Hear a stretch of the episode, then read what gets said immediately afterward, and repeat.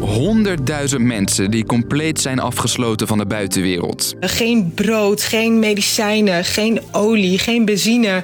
Uh, baby's die het niet overleven als ze geboren worden. Dat er geen babyvoeding is. Het is al maanden de realiteit voor de mensen in Nagorno-Karabakh. Een regio waar veel Armeniërs wonen. Azerbeidzjan blokkeert de enige weg naar de buitenwereld. Mensen staan aan de rand van een humanitaire crisis. Ik ben Dennis en ik leg uit wat er aan de hand is in Nagorno-Karabakh. Lang verhaal kort. Een podcast van NOS op 3 en 3FM. Oké, als je heel Oekraïne doorrijdt en dan rechtsaf slaat, een stukje Rusland en Georgië door, dan kom je uiteindelijk bij Armenië en Azerbeidzjan uit. Twee landen die al heel lang met elkaar in conflict zijn. Je ziet eigenlijk dat in Armenië en Azerbeidzjan de mensen elkaar al bijna eeuwenlang eh, het leven zuur maken. Je hoort Oost-Europa-onderzoeker Wouter Zweers. Dat conflict draait vooral om één regio, Nagorno-Karabakh. Dat is een gebied waar veel Armeniërs wonen, maar op Azerbeidzjans grondgebied ligt. Ja, de eerste Karabach-oorlog is daar eigenlijk uit ontstaan. was een uh, oorlog met zeer veel slachtoffers. Ook echt etnisch geweld heeft plaatsgevonden. Uh, dus echt oorlogsmisdaden. Armenië won tijdens die oorlog in de jaren 90 veel gebied, maar echt rustig werd het niet. Dus in 2020 heeft Azerbeidzjan besloten: dit kan zo niet langer. Wij zien geen uitzicht op die diplomatieke oplossing. Wij vallen dat gebied binnen. Gevolg zes weken oorlog. In een korte tijd vallen duizenden doden en gaat veel grondgebied terug naar Azerbeidzjan. Nagorno-Karabakh niet, maar wel de regio eromheen. En daardoor is er nu nog maar één weg die Nagorno-Karabakh verbindt met Armenië.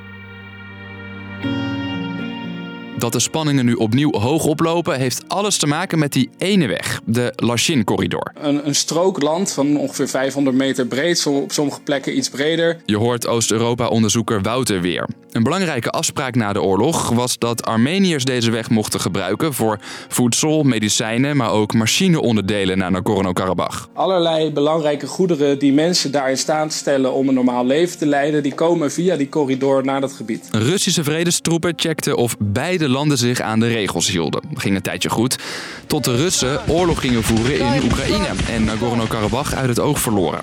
En dus kon Azerbeidzjan vorig jaar de weg blokkeren. En omdat het de enige weg is, zijn de inwoners van Nagorno sindsdien dus afgesloten van de buitenwereld met enorme gevolgen. En de mensen die we er spraken, die vertelden ons dat familie die dus nog opgesloten zit in de enclave, dat die al maanden geen water hebben, geen brood, geen medicijnen, geen olie, geen benzine, uh, baby's die het niet overleven als ze geboren worden, dat er geen babyvoeding is. Je hoort correspondent Iris de Graaf die kort in Armenië was. De situatie is echt intens, kunnen we wel zeggen. Oké, maar waarom doet Azerbeidzjan dit? Zij zeggen dat Armenië wapens naar binnen zou willen smokkelen. Terwijl Armeniërs en hulporganisaties juist zeggen... Nee, dat klopt niet. Dit is poging tot een bewuste etnische zuivering van Azerbeidzjan.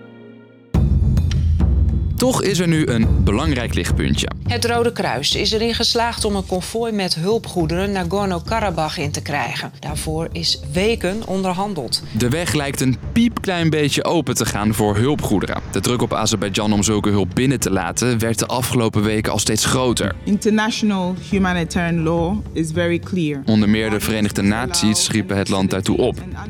Dat is natuurlijk een stap in de goede richting, zegt Wouter. Nou, ik hoop dat dat de opmaat is voor, uh, voor verdere onderhandelingen en voor uh, verdere toereikingen van beide zijden. Maar in dit conflict speelt zoveel oud zeer dat het de vraag is of deze deal snel tot een echte vredesdeal leidt. Het kan ook nog helemaal omslaan, denkt Wouter. Ik sluit het niet geheel uit dat er op een gegeven moment nog een nieuw militair conflict is. waarbij Azerbeidzjan probeert het gehele gebied met militaire middelen in, uh, in handen te krijgen. De eerste vrachtwagens zijn nu dus via de Lachin-corridor het gebied ingelaten. Maar het is nog lang niet genoeg om de hele bevolking te helpen. Twee vrachtwagens met eten en met drinken, ja, dat is niet voldoende voor die 120.000 inwoners. Je hoort correspondent Iris de Graaf. Sterker nog, omdat de militaire spanningen ook oplopen vanuit Azerbeidzjan Azerbeidzjan zijn mensen ook nog eens bang dat er binnenkort een grote oorlog opnieuw zal gaan uitbreken. Dus voorlopig lijkt het een druppel op de gloeiende praat. En zijn mensen, nou ja, geloven er niet in dat dit het einde van de blokkade zelf is. Dus, lang verhaal kort.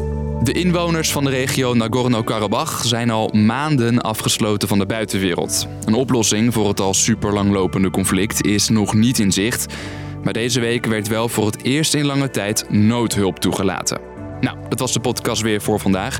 Morgen zijn we er weer rond de klok van 5 in je favoriete podcast app. Bedankt voor het luisteren.